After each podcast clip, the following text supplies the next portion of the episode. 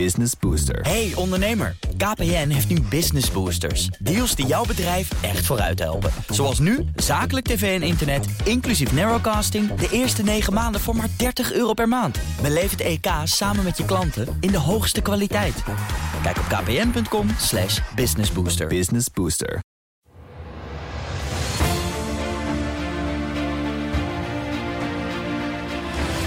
Grappige is dat ik eh, niet altijd het idee heb bij Sander Dekker dat hij zijn werk nou zo superleuk vindt. Als ik hem daar zie over de rechtsbijstand en daar maakt hij geregeld een potje van, dan denk ik: wil je het eigenlijk wel? Dit is Project Binnenhof, de politieke podcast van BNR Nieuwsradio. Wat gebeurt er in de wandelgangen als niemand kijkt?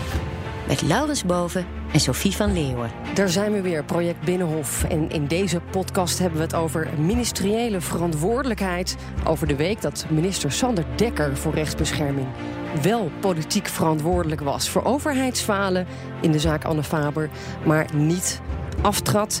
Naast mij Laurens Boven van BNR. Aan de andere kant een van de hoofdrolspelers in het zware debat, Katelijne Buitenweg van GroenLinks. Ja, goeiedag. Welkom. Goed in de microfoon praten. Je bent woordvoerder justitie van GroenLinks, vice-fractievoorzitter. En ben je al een beetje bijgekomen van het marathondebat? Ja, ik ben nou wel uh, bijgekomen. Ik moet eerlijk zeggen dat ik inderdaad gisteravond uh, gevloerd was. Uh, ik mijn stukken terzijde heb laten liggen en een spelletje met mijn man ben gaan doen. Omdat het had echt veel gevergd gisteren. Ja, het was een heel emotioneel beladen debat. Dus emotioneel gevloerd of fysiek gevloerd? Nee, emotioneel. Ik had het eigenlijk ook van tevoren ja, toch, misschien toch ook onderschat. Ik bedoel, je weet dat het een zwaar debat is, politiek gezien. Het gaat om een minister. Het is de vraag uh, of hij kan aanblijven. Uh, het is gewoon een inhoudelijk. Ik bedoel, moest je natuurlijk goed voorbereiden op alles over die forensische zorg. Maar um, om daar te staan en um, nou, de familie te zien, ook van Anne Faber, andere, uh, van andere slachtoffers. En ook als je gewoon eventjes naar achter liep om je water te pakken, dat je dan steeds langs die familie liep. Ja, dat ja, vond je dat heftig? Ja, vond ik heel heftig. Want normaal gesproken word je niet zo geconfronteerd met de realiteit in de Tweede Kamer. Nee, het was ook. Kijk, je bent. Uh, je controleert altijd de minister. Uh, soms maak je wetgeving. Dat is duidelijk uh, een bepaald register. Ook in hoe je in een wedstrijd zit of in een debat zit.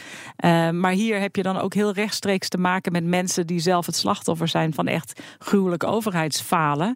Ehm, je bent zelf natuurlijk toch ook vertegenwoordiger van een overheid. Voel je je dan verantwoordelijk zelf? Ja, ja, ja. In ieder geval voel je wel onderdeel van het systeem, wat toch echt heel erg steek heeft laten vallen. Dus, en dan is het ook een ander register. Je kan niet alleen maar uh, naar de minister gaan. Je richt je ook uh, op, op de familie. En die combinatie vond ik. Uh, ik merkte toen ik er stond dat het me echt ineens een beetje overviel. We hadden bij de verslaggevers, en ook je hoorde het ook, hè, voor de zaal van de Tweede Kamer is een, dat noemen we de patatbalie hier op het Binnenhof. En daar, daar stond de hele dag door stond daar pers live uitzendingen. En, en daar, daar, daar werd ook wel een beetje zo geanalyseerd van... Hey, het debat lijkt heel erg ingetogen te zijn. Heel anders dan dat soort debatten wel eens zijn... als het gaat over ministeriële verantwoordelijkheid dan, dan dit debat. En eh, iedereen was eigenlijk wel over eens... dat komt door de aanwezigheid van de familie. Dat was in ieder geval wat wij bij de journalistiek zeiden. Maar dat, dat klopt dus, dat zag jij ook zo. Ja, ik denk, het, ik denk dat het wel heel erg uitmaakte. Ja, ik, natuurlijk probeer je sowieso een, eh, een debat ook echt wel op inhoud uh, te doen.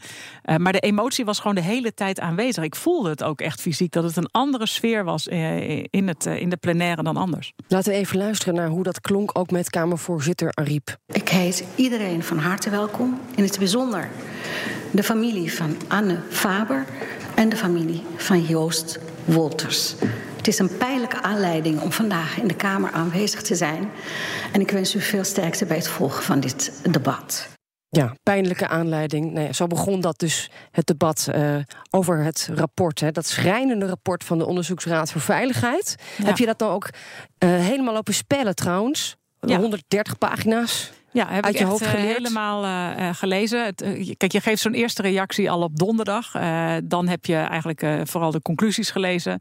En ik ben zaterdag was ik alleen thuis en ben ik echt helemaal in mijn eentje door dat hele rapport gegaan. En, uh, en ik vond het onthutsend, nog meer dan ik eigenlijk de conclusies vond. Maar dat komt misschien ook omdat je dan achter elkaar blijft lezen van wat er allemaal fout is gegaan.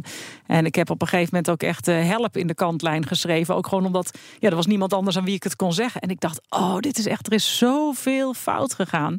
Waar, waar, waar schreef je help bij? Uh, bij het feit dat er elke keer uh, uh, verlof werd toegekend zonder dat de dossiers op orde waren en, en zonder dat iets geëvalueerd was. Maar het ging maar achter elkaar door. Elke keer werd er weer een nieuw besluit genomen zonder ja, eigenlijk te kijken van wat nu eigenlijk de gevolgen waren. Hoeveel keer is dat gebeurd? Weet je dat nog? Nou, ik weet niet meer precies hoe vaak. Er zijn geloof ik zeven fases van, uh, van verlof. En nou ja, dus dat zal zo'n zes keer zijn geweest. Ja, minister Dekker die heeft dat natuurlijk ook allemaal zitten lezen thuis op de bank. Um, en wat mij opviel is dat hij eigenlijk al heel snel in dat debat zei... ik ben politiek verantwoordelijk. Dat was een soort van tactiek. Meteen schuld bekennen en dat klonk zo. En ik ben politiek verantwoordelijk voor alles wat ambtenaren, mensen in organisaties doen waar ik verantwoordelijkheid voor draag. En ook voor datgene wat mijn voorgangers hebben gedaan. En ik voel die verantwoordelijkheid in iedere vezel. Vanaf dag één, vanaf het begin, wist ik dat dit een van mijn belangrijkste opdrachten was. De samenleving beschermen tegen mensen als Michael P. Ja, Katelijne Buitenweg, jij zat in de zaal voor GroenLinks. En wat dacht je toen hij dit zei? Ik was een beetje aan het. Uh, dit was helemaal aan het begin, hè? Dus hij, hij zat. Hij was ook vrij emotioneel, zag ik. En ik Je hoorde een snik in zijn stem zo af en toe. Ja, ik raakte daar heel even dat ik dacht: waar gaan we heen met deze inleiding? Is dit een inleiding, zeg maar gewoon een inleiding voor een debat? Is het een inleiding dat hij op een gegeven moment zegt: uh, ik, ik neem mijn verantwoordelijkheid en ik uh, bied me ontslag? En ik was er niet helemaal zeker van op dat moment. Ja, ik ook. Ik dacht: nu gaat hij aftreden. Een seconde dacht ik dat. Ja, ik had, nou, ik heb inderdaad ook, het zal niet heel lang gedacht zijn, maar een paar keer dacht ik, ik ben er eventjes niet zeker van wat er, er gaat drie, gebeuren. Er waren voor mij drie momenten in het debat waarop ik dat dacht. Inderdaad, dit moment, helemaal aan het begin. Het moment dat hij zijn beantwoording afsloot, hè, dat heet dan het einde van de eerste termijn. Hè, daar zei hij opeens van, nou, ik beëindig nu mijn beantwoording. En toen haalde hij even adem. Ik denk van, oh, dan gaat hij nog iets zeggen.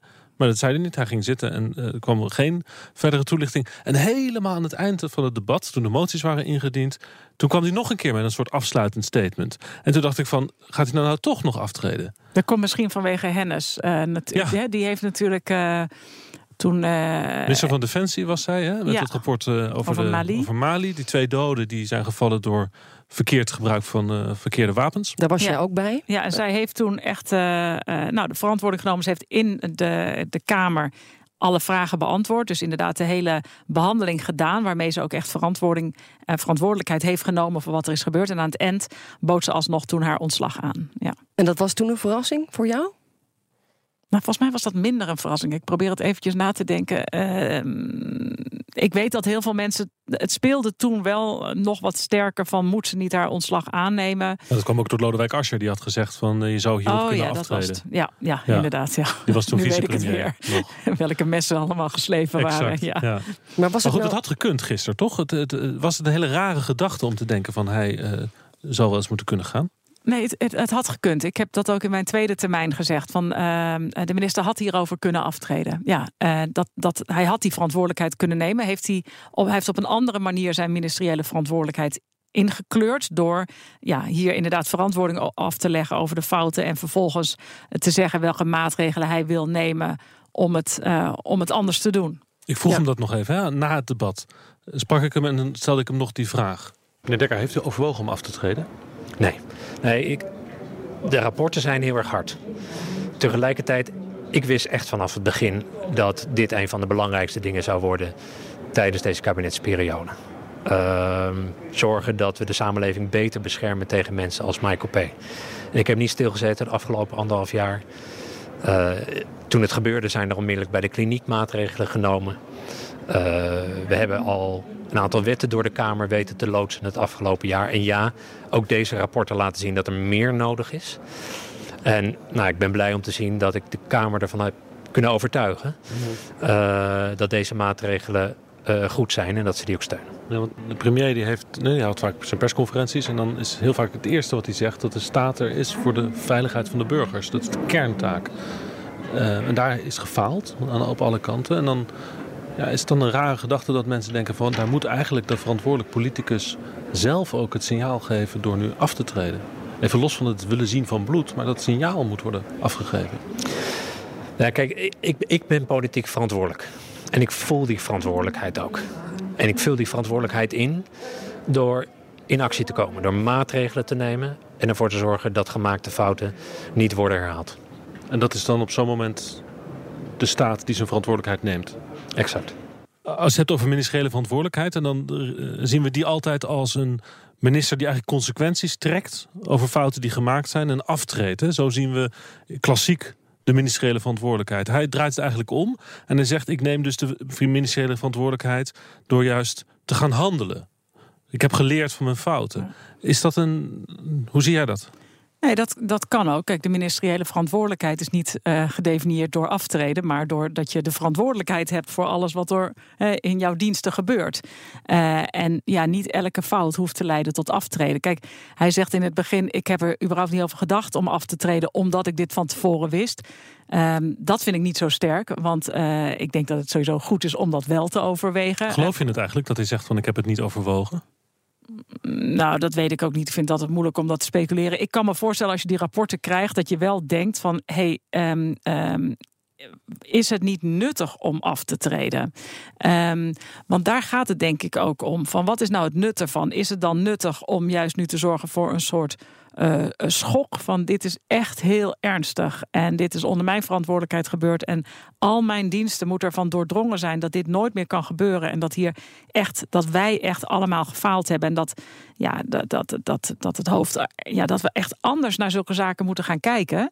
Dat dat is één manier. Het andere is inderdaad om te zeggen ik heb nu allerlei maatregelen genomen en ik wil het ook anders doen en dan is het vervolgens aan de Kamer om te zeggen nou gunnen we je dat vertrouwen hebben wij dat vertrouwen dat je ook inderdaad de juiste persoon bent om dit op deze manier te doen. Nou, ja, dat is de afweging die want, uiteindelijk de Kamer heeft gemaakt. Want is dat zo? Werkt dat shock-effect op die manier, zoals je dat beschrijft, bij de ambtenarij? Van, van, om dus iedereen wakker te schudden. De fouten die jullie, wij hebben gemaakt, hebben ertoe geleid dat onze minister, wat binnen de ministerie vaak een soort halfgod is, zo'n minister, dat is de baas, dat die weg moet door mijn fouten. Dat, dat shock-effect, dat, zo werkt dat?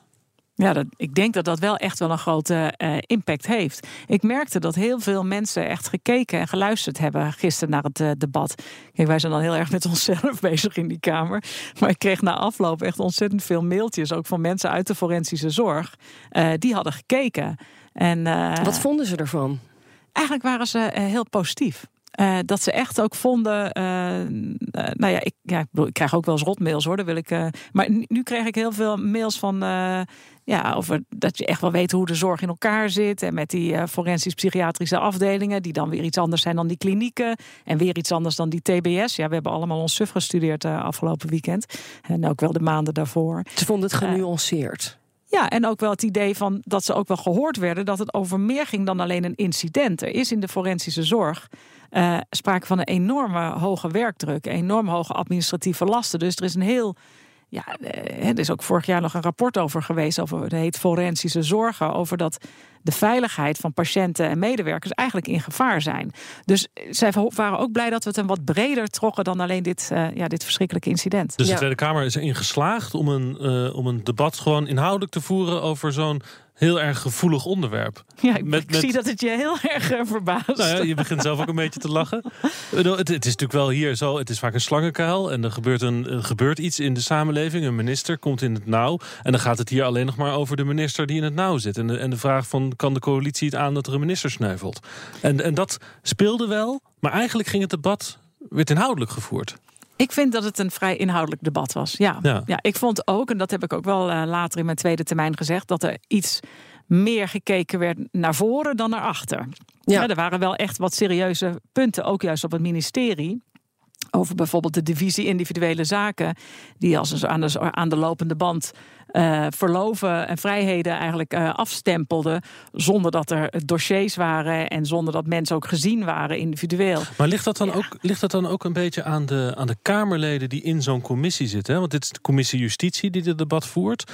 Um, dat zijn misschien ook ander soort Kamerleden dan bij een, een andere commissie. Uh, jullie zijn natuurlijk allemaal juristen. Nou, ik niet. Jij niet? Nee. Van Nispen van de SP is een jurist. Van Torenburg van het CDA ja. is een voormalige gevangenisdirecteur. Dus dat zijn allemaal mensen die, die, heel erg uit het veld komen. Ja, dat klopt wel. Ik merk dat in de justitiecommissie uh, zit heel veel expertise. Je hebt uh, altijd, je hebt ook bijvoorbeeld uh, Chris van Dam van de officier van justitie. Er zijn, die, die commissie zit vol, um, vol mensen met ervaring in het veld. Ja.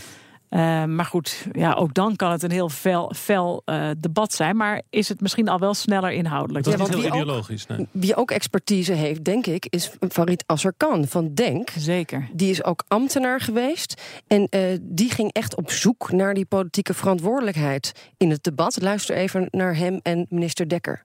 Hoe, hoe ziet de minister de verhouding tussen... zijn het nou incidenten, is het eenmalig... of is hier sprake van een structureel probleem? De minister. Voorzitter, de, de, de, rapporten laten in mijn ogen zien dat er, dat er sprake is van iets structureels. De heer Azarkan? Ja, voorzitter. En als dat nou betekent dat we hier een structureel probleem te pakken hebben... Uh, waardoor de samenleving grote risico's uh, heeft gelopen... in hoeverre is dat nou ook te wijten aan dat er ook politieke afwegingen, keuzes zijn gemaakt... die van invloed zijn daarop?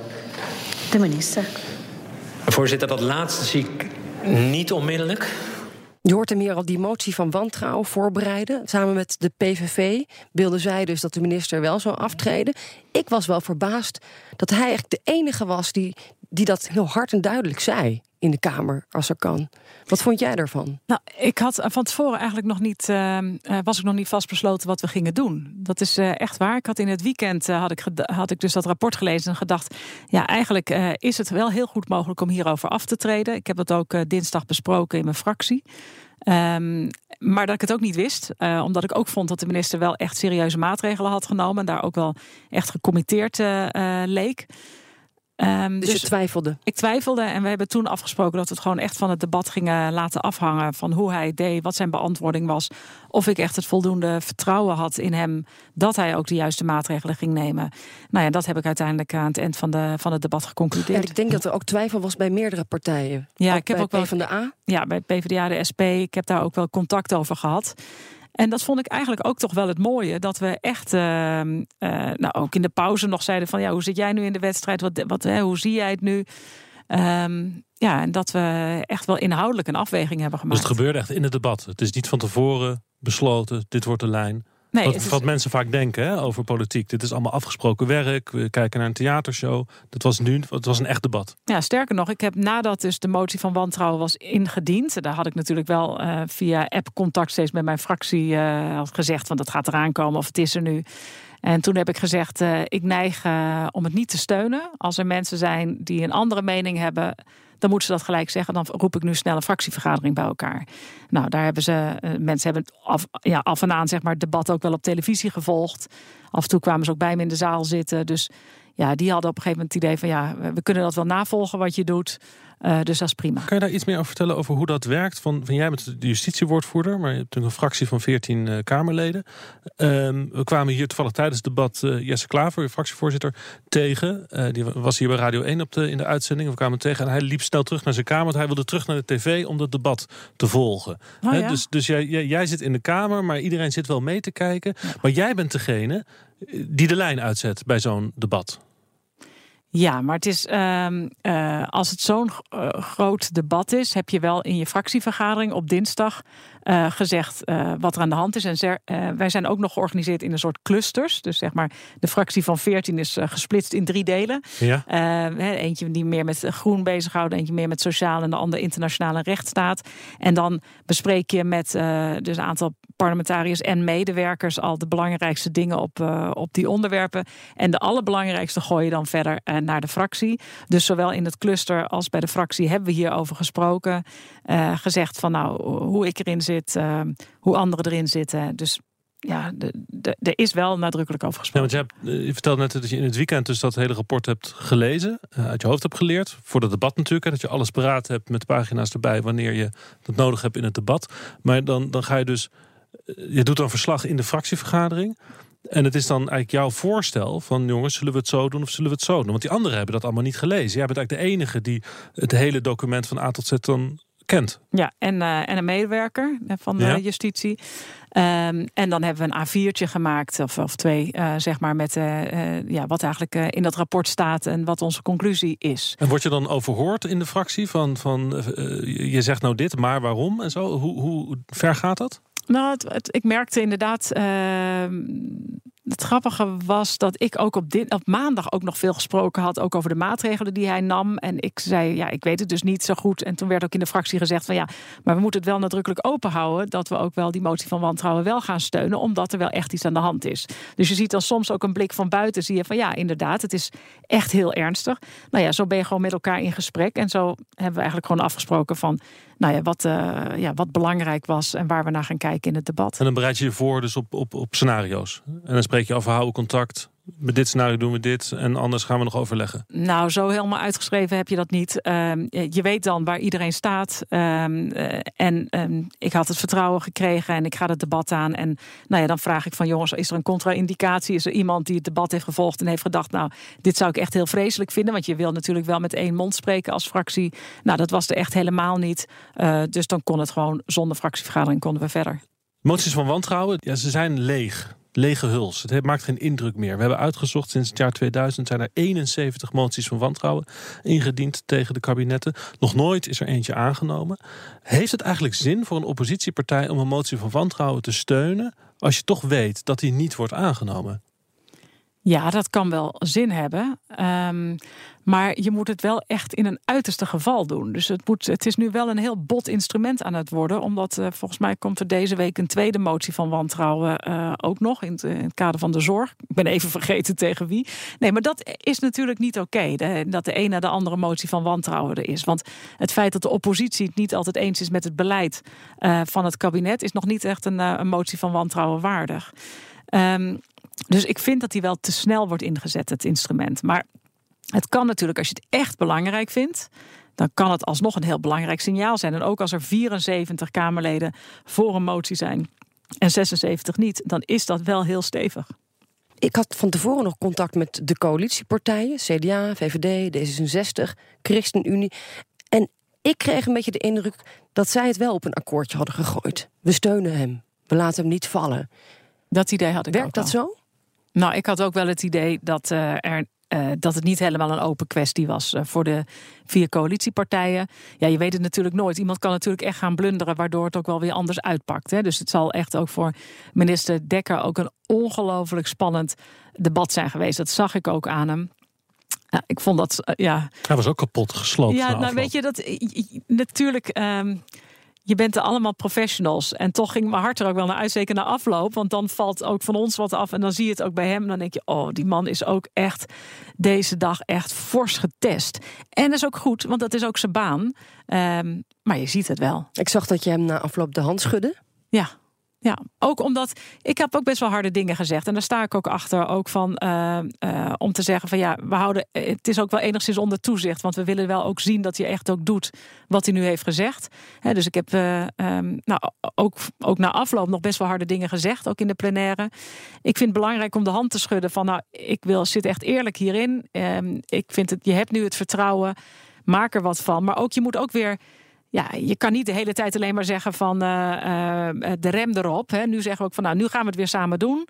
Um, maar dat is natuurlijk het ingewikkelde van, hè? Dat je dat dus. Je spreekt hem eigenlijk aan als minister. Je, je, vertrouwt de minister niet, maar het is ook persoonlijk. Het is ook Sander Dekker. Dus, dus eh, de, hoe, hoe ga je dat daarmee om? Met dat je dus. Je, je, je voelt een soort persoonlijke betrokkenheid. Nou, grappig genoeg is dat denk ik misschien ook wel de, waarom die hand, handdrukker is. Want je hebt eigenlijk tijdens het debat ben je echt gewoon controleur versus minister. Dan is, ben je echt ook in functie. En eigenlijk na afloop is het misschien meer dat je de handdruk geeft van ja, we zijn ook allebei gewoon uh, mensen die uh, gewoon uh, en hij helemaal een hard debat hebben gehad. Wat nodig was, maar wat je ook kan zien aan iemand. En dan ja, kan je ook weer gewoon meer de mensen, de medemens zien. En toen kon hij opgelucht naar huis. Zo klonk dat. Dank, uh, ook van mijn kant. Dank voor de manier waarop we dit debat in mijn ogen op een hele goede en grondige uh, manier hebben kunnen voeren.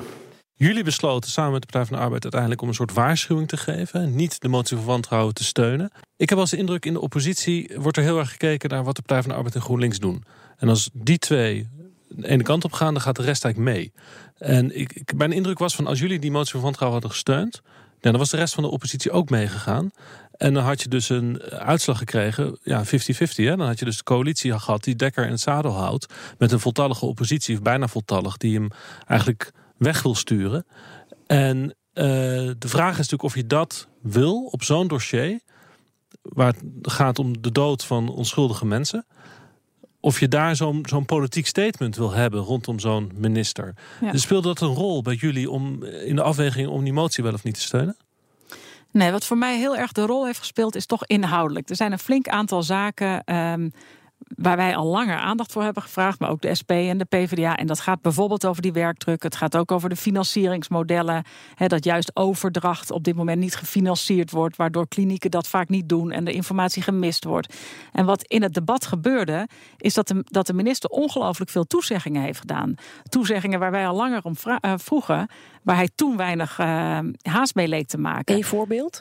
Nou, bijvoorbeeld uh, het, het, feit dat er gekeken gaat worden of mensen niet uh, te snel op hele lichte afdelingen eh, worden geplaatst. Bijvoorbeeld Michael P. zat op een FPA, dus dat is een beveiligingsniveau 2. Dat is echt licht. Dat is gelijk de bedoeling dat je naar buiten gaat. Um, ja, dat is veel te licht. Maar dat is ook wel goedkoper dan als je een zwaarder beveiligde instelling hebt. Ja, maar daar zijn gewoon. Het vorige kabinet heeft dat bewust besloten. Dat stond in het regeerakkoord. Ja, maar dus eh, zeggen wij van ja, de mensen worden te snel naar FPA's gestuurd. Dat moet onderzocht, dat moet anders.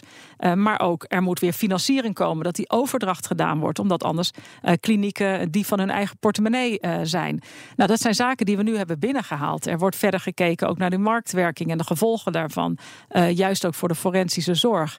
Ja, en dat hielp natuurlijk wel dat we dachten: oké, dit is ook een richting die wij ook belangrijk vinden.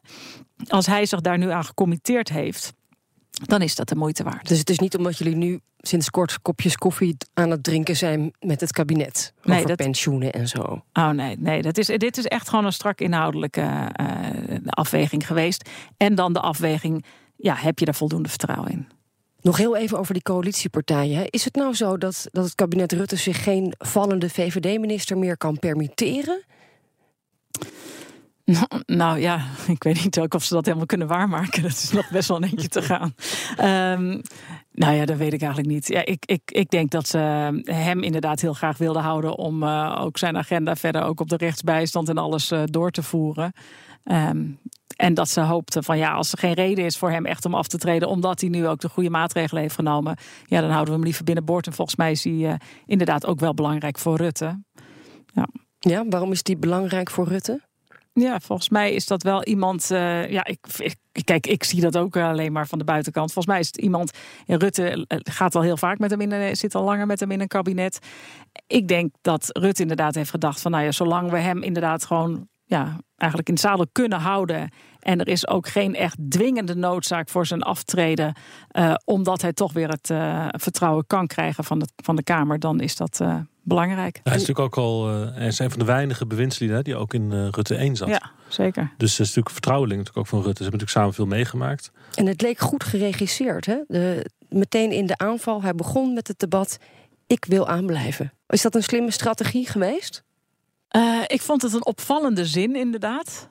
Uh, er sprak heel veel, ineens heel veel ambitie uit. Het grappige is dat ik uh, niet altijd het idee heb bij Sander Dekker dat hij zijn werk nou zo superleuk vindt. Als ik hem daar zie over de rechtsbijstand en daar maakt hij geregeld een potje van, dan denk ik: wil je het eigenlijk wel? En hier sprak ineens heel veel ambitie uit. dus dat was denk ik wel goed voor hem. Dat zal ongetwijfeld geregisseerd zijn, ook om duidelijk te maken: het is mij serieus. Ik wil hier echt alle energie in stoppen. Dus dat was, ja, dat was wel een belangrijke zin. En jij denkt dat Mark Rutte hem dat heeft ingefluisterd? Ik heb werkelijk geen idee. hij heeft het overleefd. Hoe gaat het nu verder met Dekker? Uh, hij zit aan de ketting nu van, van, van jullie, van de Tweede Kamer. Kan nou, hij alsnog later in, in de problemen komen hiermee? Nou, hij, uh, nou, we gaan hem hij heeft nu gewoon een aantal zaken beloofd. Uh, wetsvoorstellen, plannen van ons ook, die hij nu gaat uitzoeken. En dat zullen wij gewoon heel kritisch volgen. Het is uh, uh, niet zo dat, we uh, dat hij alsnog met terugwerkende kracht over deze zaak gaat vallen. Maar ja, hij moet wel laten zien dat het serieus is. Dat er echt vooruitgang geboekt wordt. Dat die forensische zorg die zo onder druk staat, ook die medewerkers, dat er echt enige verlichting is. Dat we echt zorgen dat we mensen uh, goed resocialiseren, maar ook oog hebben voor de veiligheid van de samenleving. En hij heeft gezegd, ja, daar moeten we regelmatig met elkaar over praten. Nou, dan is mijn antwoord geweest, ga dat maar eens even uitzetten hoe we dat dan gaan doen. Um, nou ja, dat is nu eigenlijk uh, de volgende stap. Ja. En twijfel je dan nog steeds wel eens nu? Nou, een gezonde kritische houding uh, is altijd goed, maar hij heeft nu het vertrouwen gekregen. Maar een gezonde kritische houding die blijft. Dankjewel, Katelijne Buitenweg. Jo, graag gedaan. Nu is mijn hoofd echt leeg. Volgende week zijn we er weer. En jullie kunnen ons ook volgen op, uh, op Instagram, Project Binnenhof. BNR Politiek op Twitter.